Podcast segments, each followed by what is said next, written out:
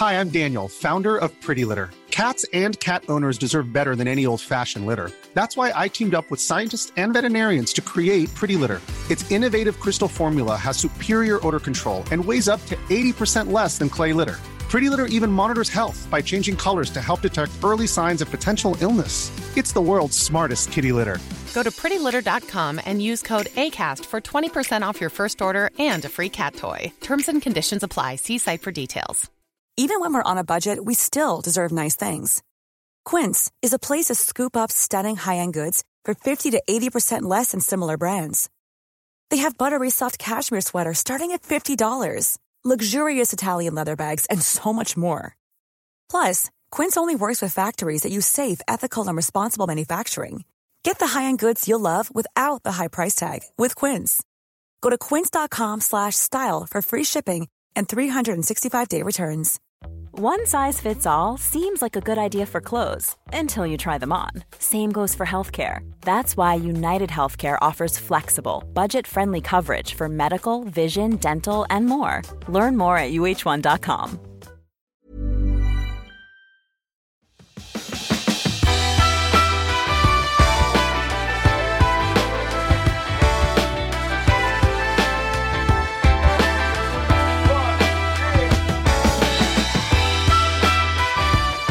Hej och välkommen till Klimakteriepodden med mig, Åsa Melin.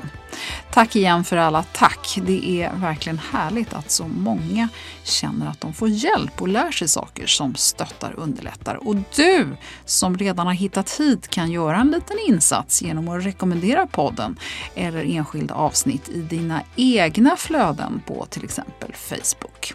Det är så många som trevar runt efter kunskap och här finns det massor alldeles gratis bara att ta för sig av. I det här avsnittet så har jag glädjen att ha en poddkollega som gäst. Och det är ingen mindre än kemisten, journalisten och framförallt löparen och influensen Petra Månström. Också känd som Maraton-Petra på Instagram. Kanske känner du till hennes podd Maratonpodden. Vi talar om hur och varför man kan motivera sig till att springa och varför just löpning kan vara ett bra sätt att få igång systemet och ja, hur många sätt finns det inte man kan vara löpare på? Petra berättar också öppet och personligt om sina egna utmaningar med ätstörning, störtblödningar och hur det kan vara att komma i klimakteriet på grund av medicinering. Så välkommen att lyssna.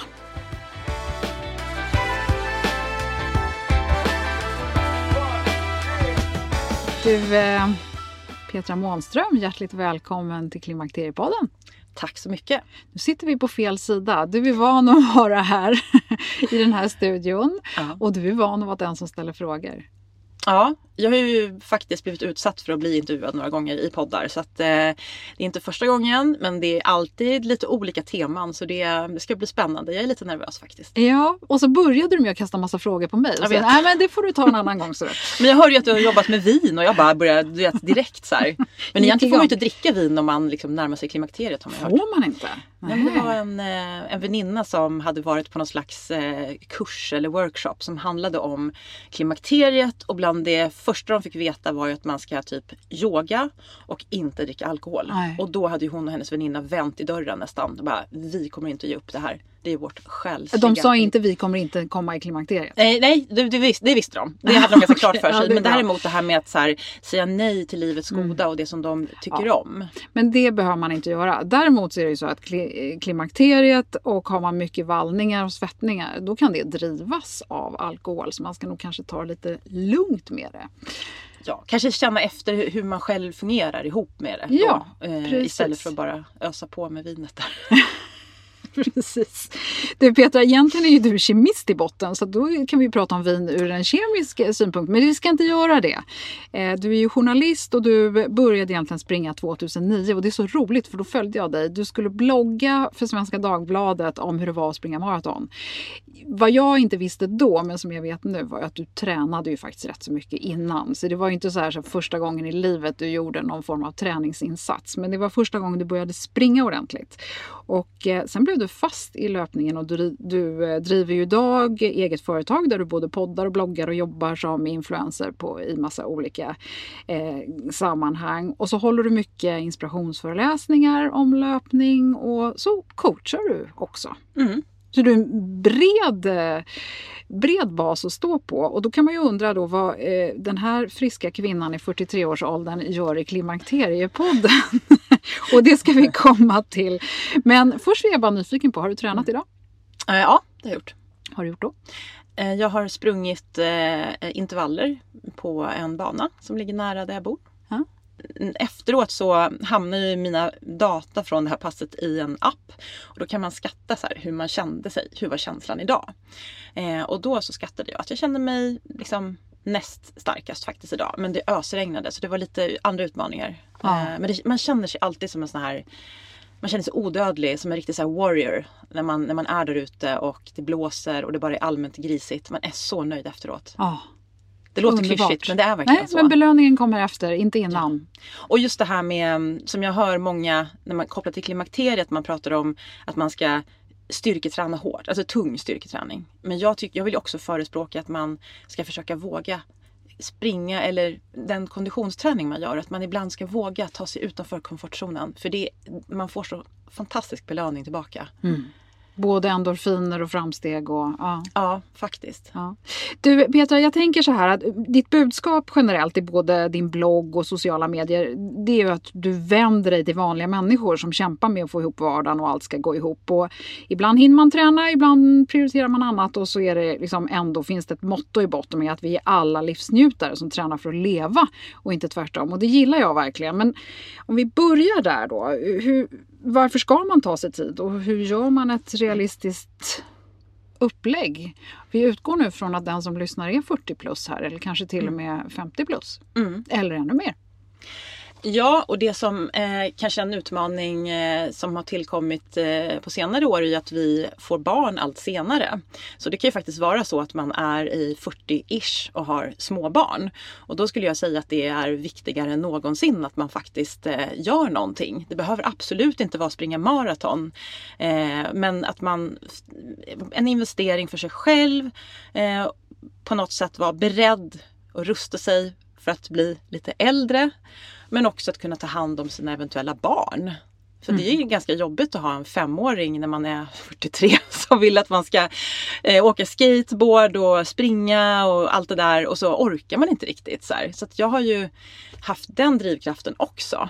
Ja, för du fick barn som 38-åring. Ja, eh, nu ska vi se. Jag fyllde 39 faktiskt Ja. när jag, eh, det året Ja. eh, jag fick barn.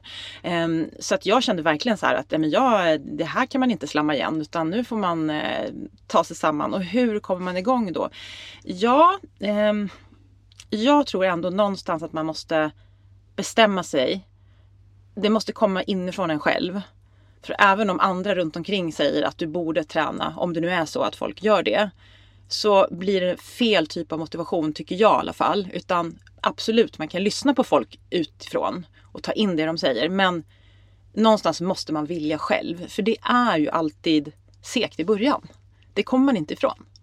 Ehm, så att man måste liksom någonstans ha bestämt sig tycker jag. Så det är steg nummer ett, att bestämma sig. Ja. Och, och hur vet man hur man ska träna då för att göra så, så att tröskeln så liten som möjligt? Göra det så lätt som möjligt för sig. Ja men jag brukar säga att det är lite grann som att, som att springa en intervall. Du ska inte rivstarta i början för då orkar du inte slutföra intervallen. Eller om det är ett lopp. Och samma sak med en träningssatsning. Att du eh, går ut lite försiktigt. Ehm, du behöver inte träna fem pass i veckan. Så det är det tycker jag i alla fall, jag ser många göra det misstaget att nu jäklar ska jag satsa här. Nu ska jag köra fem pass i veckan och jag ska bli en gladiator och jag ska springa maraton. Och sen efter några veckor så bara orkar man inte för att, och så blir man besviken på sig själv för att man inte lyckades. Bättre då att säga så här, men jag ska köra ett pass i veckan. Får jag till två pass så blir det bra. Och sen också underskatta inte det du gör i vardagen. Så det är ju så här klyschigt och ganska trött kanske begrepp det här med vardagsmotion. Men jag tycker faktiskt att eh, den ger mycket mer än man tror. Så om du har liksom ett regelrätt träningspass och liksom, ja, i vardagsmotion i övrigt så, så är det en jättebra grund att börja på. Och du träffar ju massor med kvinnor i din vardag och i ditt jobb. Och har du någon sån här, liksom, vad tror du, vad går de flesta igång på? Finns det någon sån här liten nyckel som du ser oftare än någon annan? Jo men det tror jag att man klarar sånt som man inte trodde att man skulle klara. Eh, I löpning så kan det vara att eh, bara våga gå till en bana och springa intervaller. Alltså för många tror att man, om man är motionär och lite långsam så får man inte vara på en friidrottsbana. Man får inte vara på Stockholms stadion och springa till exempel. Det är bara för snabba löpare. Och jag har sett så många gånger när jag har kommit med eh, kunder eller grupper och så får de köra ett intervallpass på banan. Och det brukar oftast gå mycket fortare än de har sprungit tidigare. De är så nöjda, endorfinerna sprutar och de bara, jag trodde inte ens att jag fick vara här. Ja. Så bara en sån grej, då har de ju fått som en, en flygande start. Det tycker jag är alltså, rätt coolt. Ja, sätta sig i en seriösare ja. situation ja. kanske än man tror att man klarar av för att visa att man gör det. Exakt, ja, men precis. Eh, eller investera i eh, grymt bra löparskor. Varför ska du springa med gamla skor som är tio år gamla när du kan eh, faktiskt för en hyfsad summa få jättebra skor som gör att det blir roligare att gå ut. Alltså en sån grej också. Man ska mm. inte underskatta det tycker jag. Nej. Och också för skaderisken kanske. Absolut. Att man inte liksom gör sig illa direkt. Ja, självklart. Ja. Absolut. Du Petra, är det viktigt att ha en plan? Är det viktigt att ha ett upplägg? Nu tänker jag både mentalt men kanske även fysiskt det där tycker jag är så svårt för att jag kan ju prata om mig själv och så här, vad jag tycker funkar för mig. Jag vill ju inte skriva folk på näsan så här, ja man måste ha ett upp, en uppstyrd plan. Så här. Men om jag ska prata generellt, jag tycker mig ändå se att många människor har väldigt mycket i sina liv, speciellt när vi blir lite äldre. Det kan vara föräldrar som börjar bli lite mm, krassliga, eh, vi har barn, vi har karriär då kan det faktiskt vara bra att ha någon form av plan bara för att få till träningen. Men känner man att den här planen stressar mer än den ger, då kanske man ska fundera på eh, om det är bra att, att, ha det. Men jag tycker mig se att många fungerar bra med det. Um, men man måste också så, lyssna inåt. Um, blir jag stressad av den här planen eller um, ge, alltså, gör den så att det blir bättre. Mm. Det måste, tycker jag man ska tänka på. Ja, så kanske man måste revidera den lite då ja. och då också. För att det är väl lätt att vara lite överentusiastisk ja. när det är söndag kanske. Och jämföra sig med andra. Ja. Det... Du tycker man ska det eller inte Nej. ska? Nej, det är det man gör. Jag tror många kollar på Instagram så här, vad andra gör, vilka tider folk springer på. Om vi nu ska prata löpning och så blir man stressad för att man inte själv springer så fort. Och så eh, kanske man får för sig att man måste ha någon plan som är jätteavancerad och tuff och så klarar man inte det. Och så ja, blir, mm. känner man sig misslyckad bara. Mm det här med att inte träna sönder kroppen utan balansera sig. Vad har du för erfarenheter att dela där?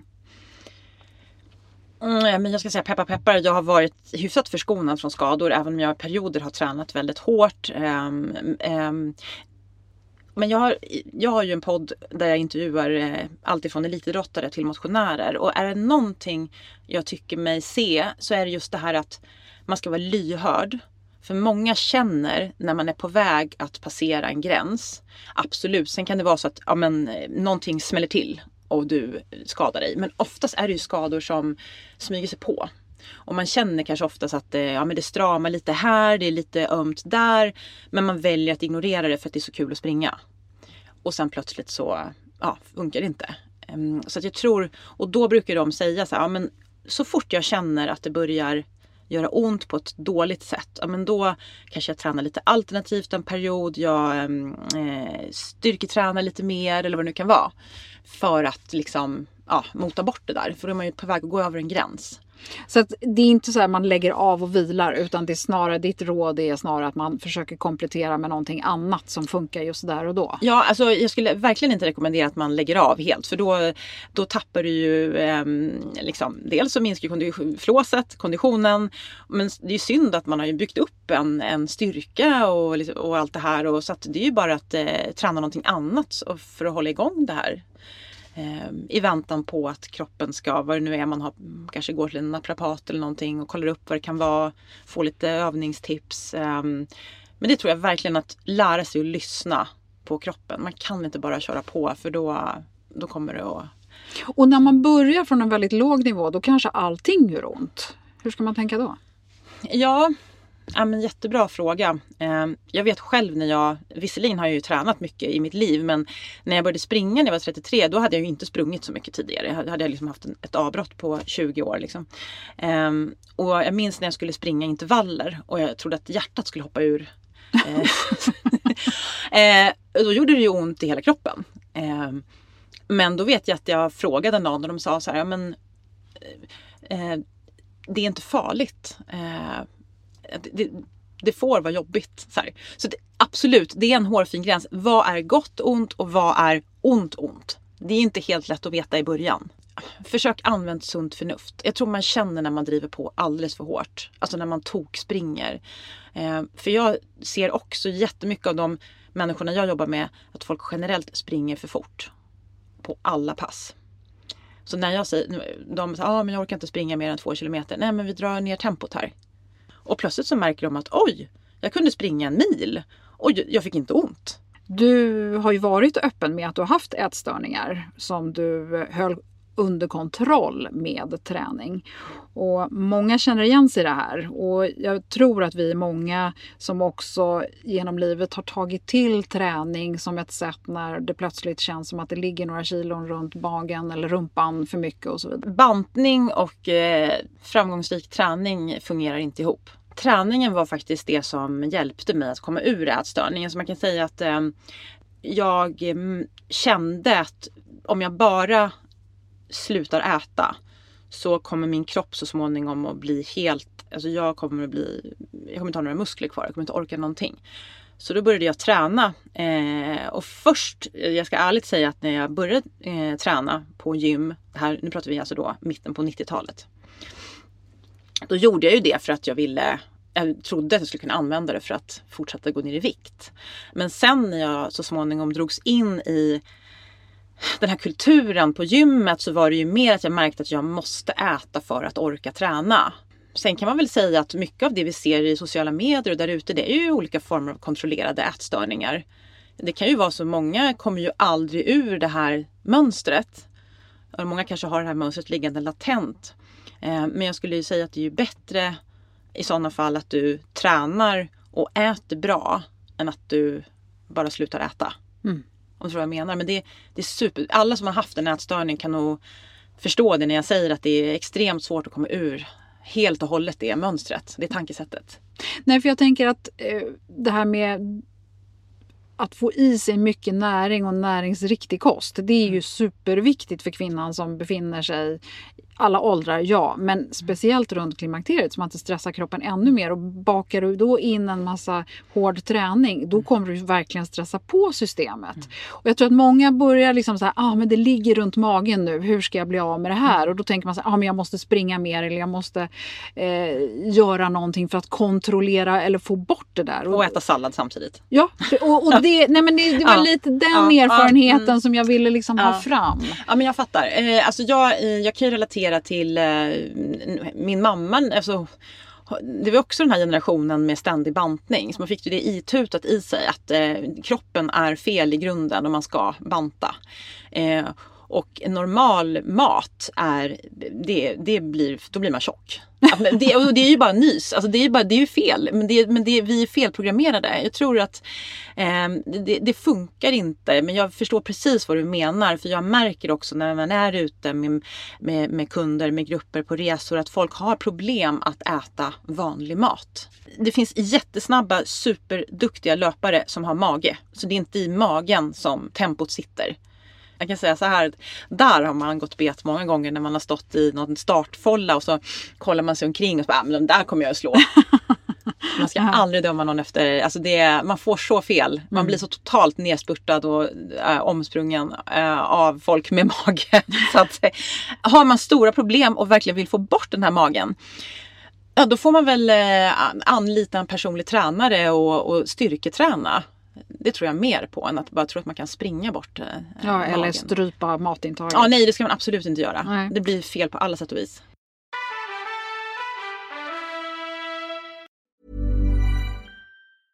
This is Paige, the co-host of Giggly Squad, and I want to tell you about a company that I've been loving, Olive and June. Olive and June gives you everything that you need for a salon quality manicure in one box. And if you break it down, it really comes out to $2 a manicure, which is absolutely insane. It's also so easy to get salon worthy nails at home with Olive and June. The difference between how your nails used to look when you did them yourself and now with the Manny system is a complete game changer. The best thing about Olive and June too is it's a quick dry, dries in about one minute, lasts for five days, and full coverage in up to one to two coats. Visit oliveandjune.com slash perfectmanny20 for 20% off your first system. That's oliveandjune.com slash perfectmanny20 for 20% off your first system.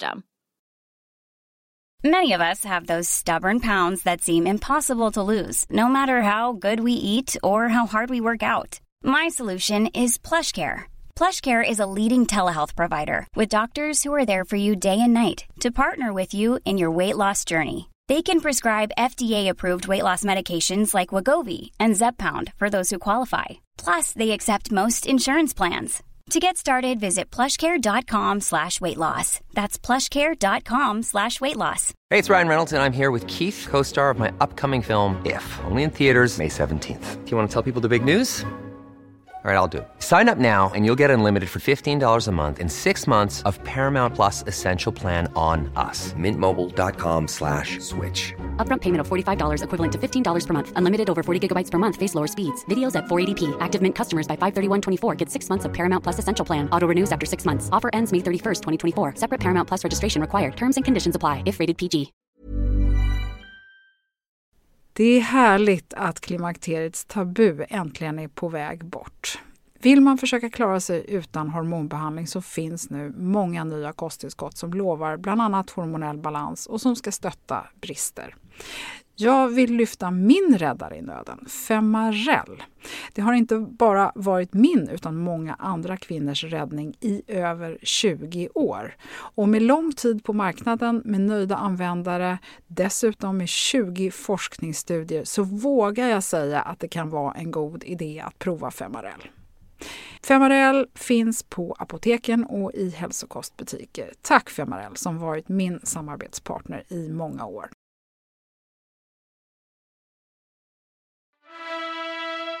Du är ju på gränsen då till eh, den tid i livet när klimakteriet börjar smyga sig på. Och då brukar man ju få lite känningar i det här som man brukar kalla för perimenopaus eller förklimakteriet. Och just mm. kroppens stresstålighet brukar ju då ge sig lite grann till känna och sömnen börjar, börjar liksom ofta stöka för en del. Har du känt någonting?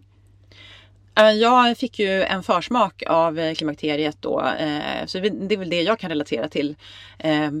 Förra året när jag åt en medicin i väntan på operation när jag skulle ta bort mitt myom.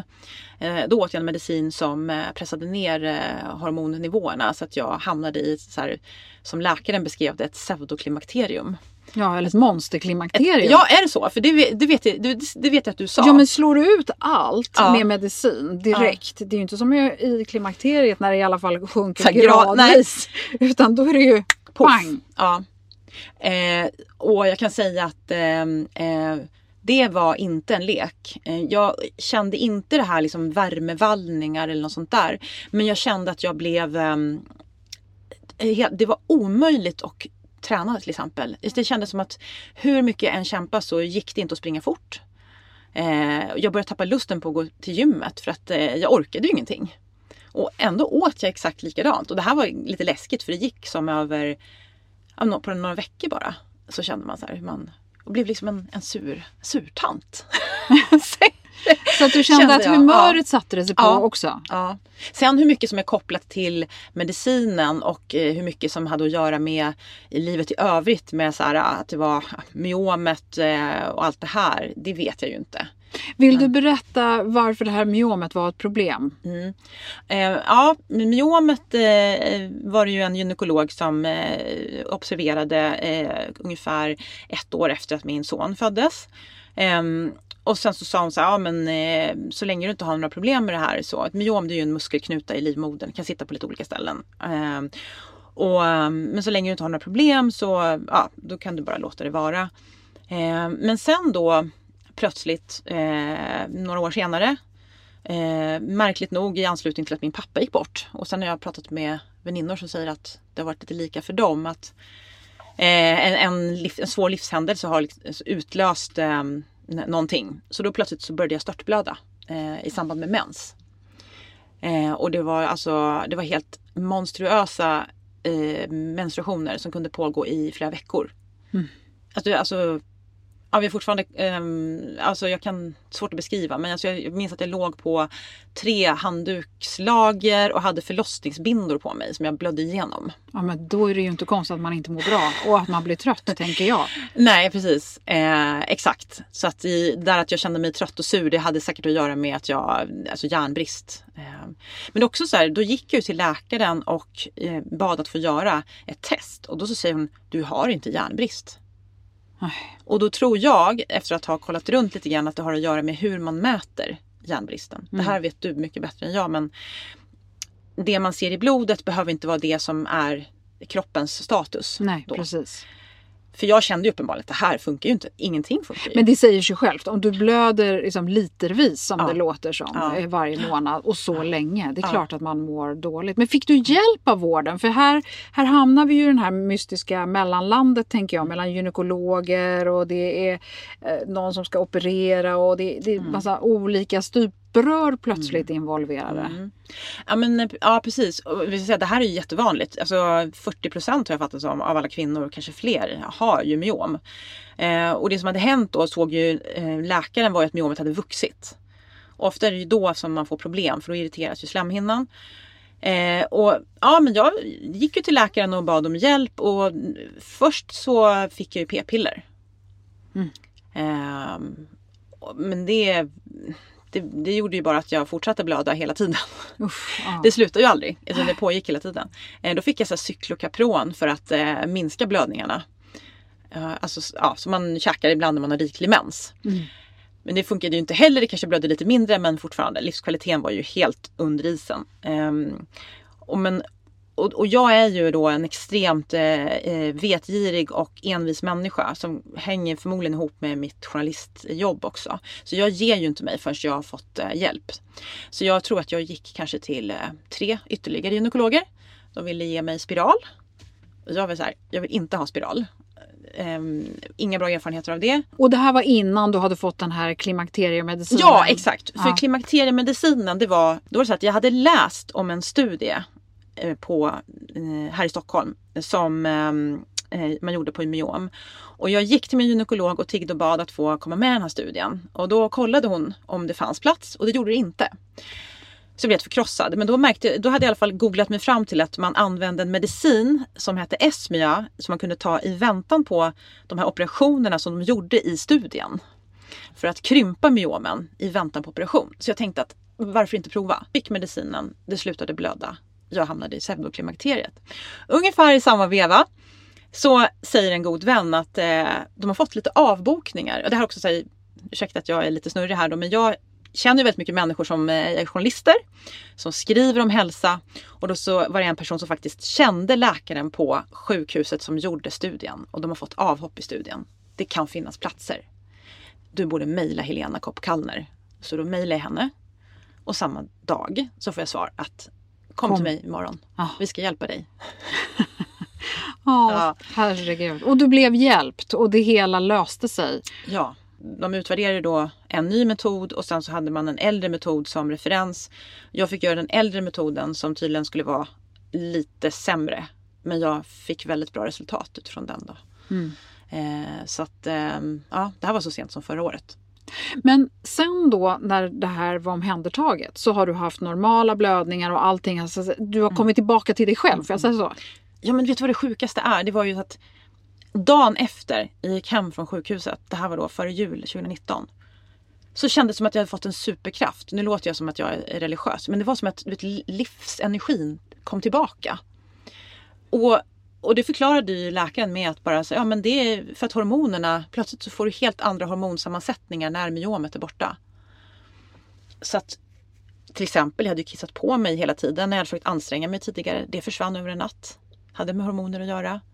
Och jag började ju träna. Äntligen kunde jag träna som jag ville. Ja, men det var helt, jag var som en ny människa. Och sen dess har du inte känt någonting av några förklimakteriebesvär eller någonting sånt? Nej, alltså ta i trä. Sen kan det ju vara att jag är så euforisk just nu så att jag inte märker någonting. Alltså ibland kan det ju komma en liten så här att jag känner mig så här, nu vart det varmt. Men det vet man ju inte om det har att göra med träningspasset man just körde. Eller om det är eh, för klimakteriet. Jag har även pratat med vänner som tränar som har, som har passerat klimakteriet och de säger att är man van att svettas och van att, ja men den här värmekänslan när man tränar. Då tycker man inte att det är lika, man märker ibland inte ens att man får en vallning. Nej, men hur som helst, du mår bra ja. och humöret är stabilt och du, får, du kan leva som du vill leva. Det är ju huvudsaken. Ja, det enda kruxet nu, så vet jag sa till dig, det är det här som eh, man har ju hållit på med hormoner och du vet upp och ner, hit och dit. Och, så här, och läkaren frågar mig, vad vill du ha för preventivmedel nu då? Och jag känner så här, men jag vill inte ha något preventivmedel för jag har bollat och mixtrat så mycket med mina hormoner så jag är trött på det. Det känns som att man är i puberteten igen, att man, man vet inte vad som ska hända.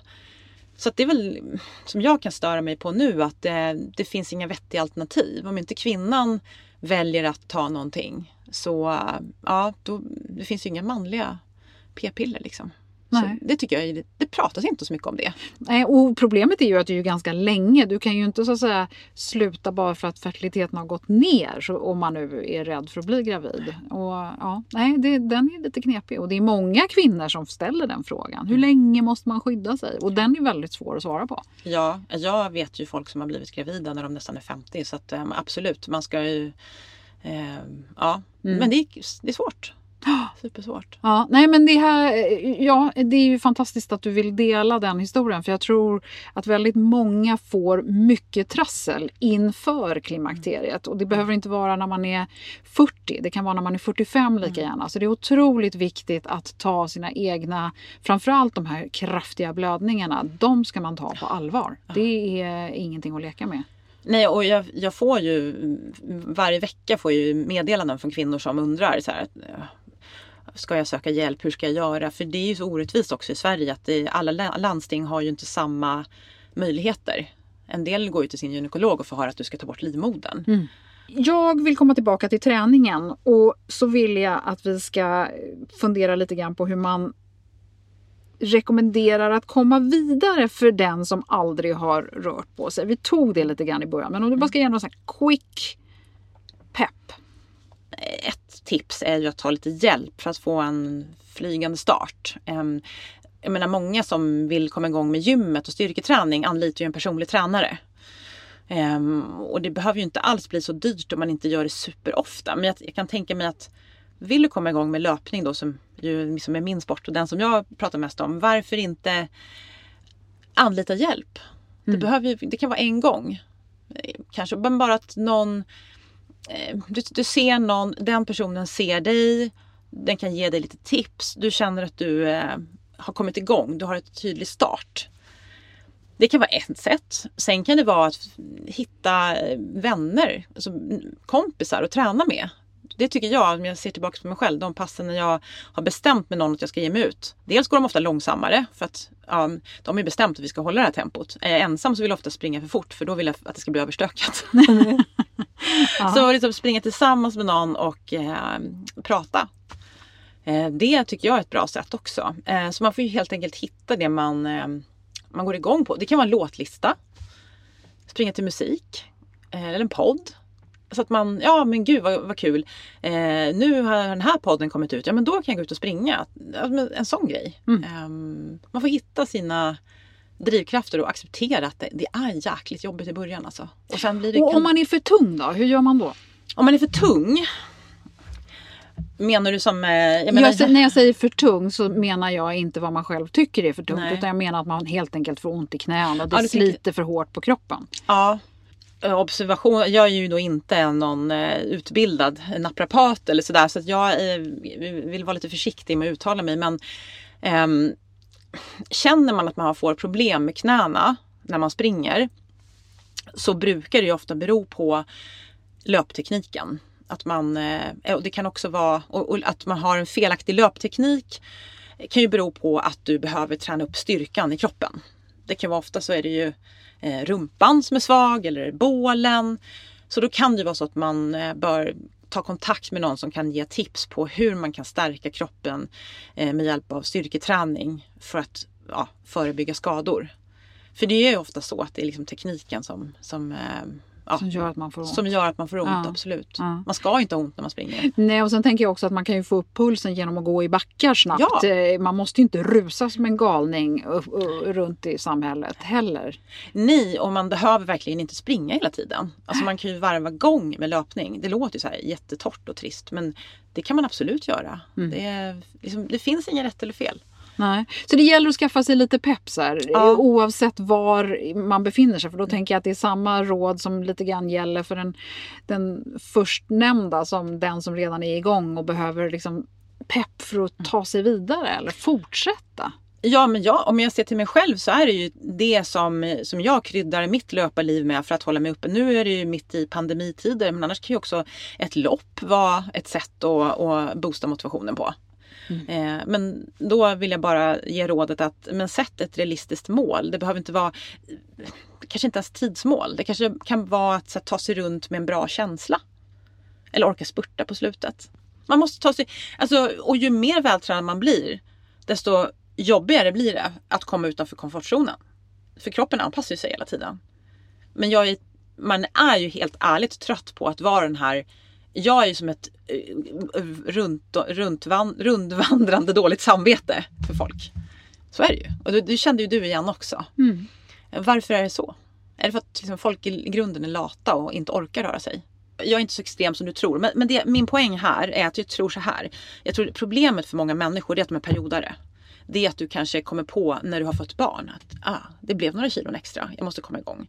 Och då har de en jäkla uppförsbacke. För då har de inte någon erfarenhet sedan tidigare. Kroppen, kroppen har förändrats.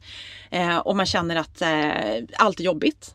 Men har du tränat innan du födde barn, då vet ju du hur det kan kännas och hur du mår av att träna. Så därför vill jag verkligen uppmana människor att sluta aldrig.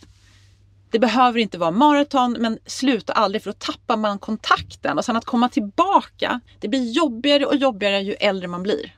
Och man vill inte sluta som den här gnälliga människan som är arg på alla som springer.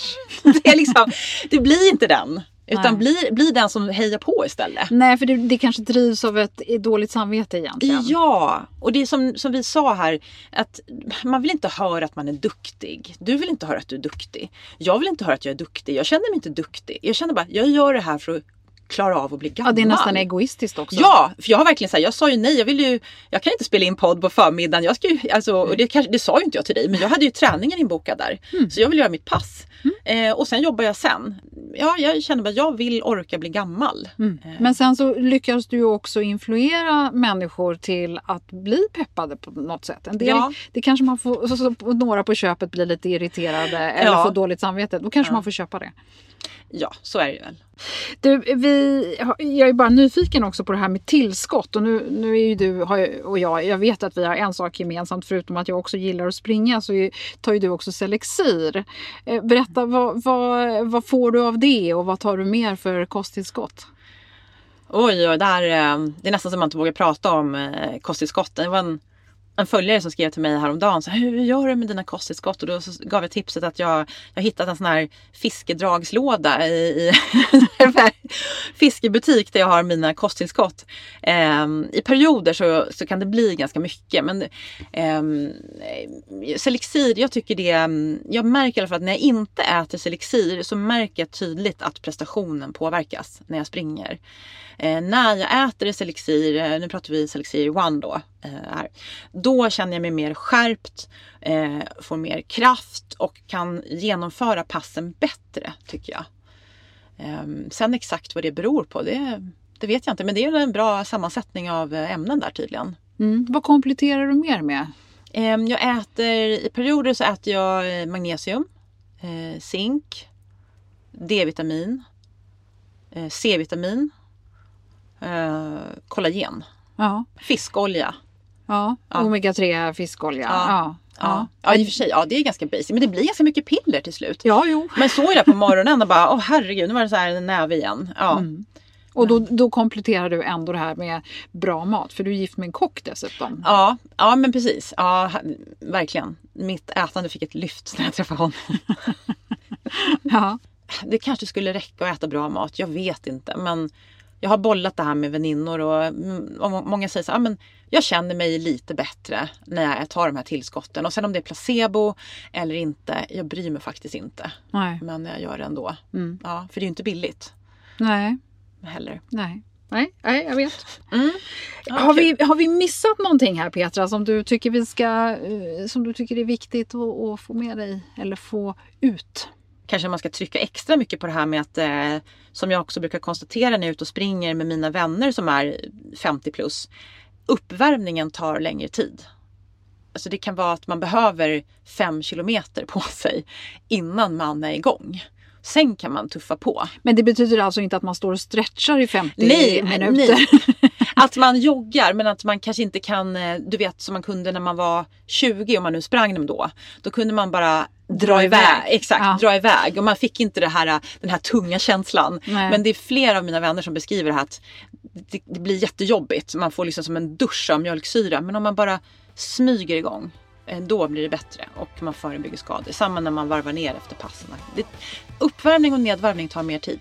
Mm. Så är det. Ja, bra, perfekt. Tusen tack. Då är jag jätteglad för att jag fick eh, ha med dig här i eh, Klimakteriepodden Petra. Tack för att jag fick komma. Ja, jättebra.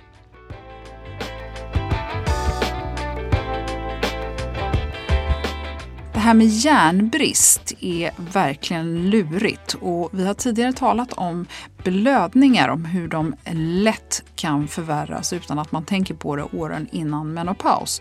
Symptom på järnbrist eh, är att man känner sig trött, hängig, lätt blir irriterad, får svårt att fokusera och koncentrera sig. Dessutom så känns det på orken med nedsatt prestationsförmåga. Det är så likt mycket annat som trassel med sköldkörteln och ganska allmänna symptom på hormoner i obalans. Så det finns all anledning och ta blödningar på allvar. Och det finns dessutom olika sätt att mäta järnbrist och du kan läsa mer på klimakteriepodden.se där jag har lagt upp ett par länkar och likadant på Facebook-sidan. Dessutom så tycker jag att du ska lyssna på avsnitt 122 där Kvinnokliniken pratar om just blödningar. Och det är otroligt viktigt att komma till bukt med rikliga sådana som är supervanligt i förklimakteriet. I avsnitt 64 med Eva Rölander kan du också höra mer om bland annat myom. Och vill du lyssna på Maratonpodden med Petra Månström så hittar du många intressanta avsnitt. Och bland annat så skulle du kunna få höra Katarina Voxnerud som var otroligt uppskattad här i Klimakteriepodden när hon var med 146 och 47 när hon talar om att träna och hur man gör det när man är lite äldre. Och då är det Maratonpodden avsnitt 186 du ska leta reda på. Men det finns många andra spännande. Och Petra har också delat sin favoritmaträtt på Instagram och det är kontot Klimakteriekocken som gäller. Något otippad rätt kan man kanske tycka. Kolla in Klimakteriepodden på Instagram och Facebook. Där finns det alltid något att ta del av. Och där kommer du också i kontakt med mig, Åsa Melin. I nästa avsnitt så ska vi tala om att sova gott igen. Vi ska följa upp avsnitt 151 med sömnkonsulten Lisa Karpevi som kan just lära oss sova. Den här gången så ska vi gå igenom vad min sömnutredning gav och hur livsstilen påverkar sömnen. Dessutom tar vi upp era frågor och tips som har kommit in angående ögonmasker, tyngdtecken, kaffe och en hel del annat som kan vara intressant. Så missa inte det. Tusen tack för att du har lyssnat och välkommen snart igen. Hej då!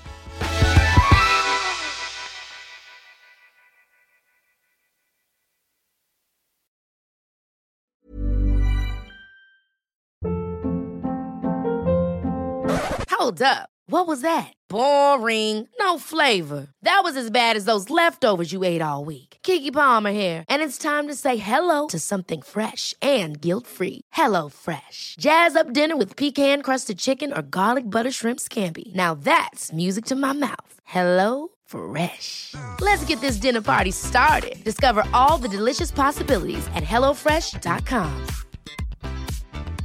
Planning for your next trip? Elevate your travel style with Quince. Quince has all the jet setting essentials you'll want for your next getaway, like European linen, premium luggage options, buttery soft Italian leather bags, and so much more. And is all priced at 50 to 80% less than similar brands. Plus, Quince only works with factories that use safe and ethical manufacturing practices. Pack your bags with high-quality essentials you'll be wearing for vacations to come with Quince. Go to quince.com/pack for free shipping and 365-day returns. Imagine the softest sheets you've ever felt. Now imagine them getting even softer over time. That's what you'll feel with Bowl and Branch's organic cotton sheets. In a recent customer survey, 96% replied that Bowl and Branch sheets get softer with every wash. Start getting your best night's sleep in these sheets that get softer and softer for years to come. Try their sheets with a 30-night guarantee. Plus, get 15% off your first order at bowlandbranch.com. Code BUTTERY. Exclusions apply. See site for details.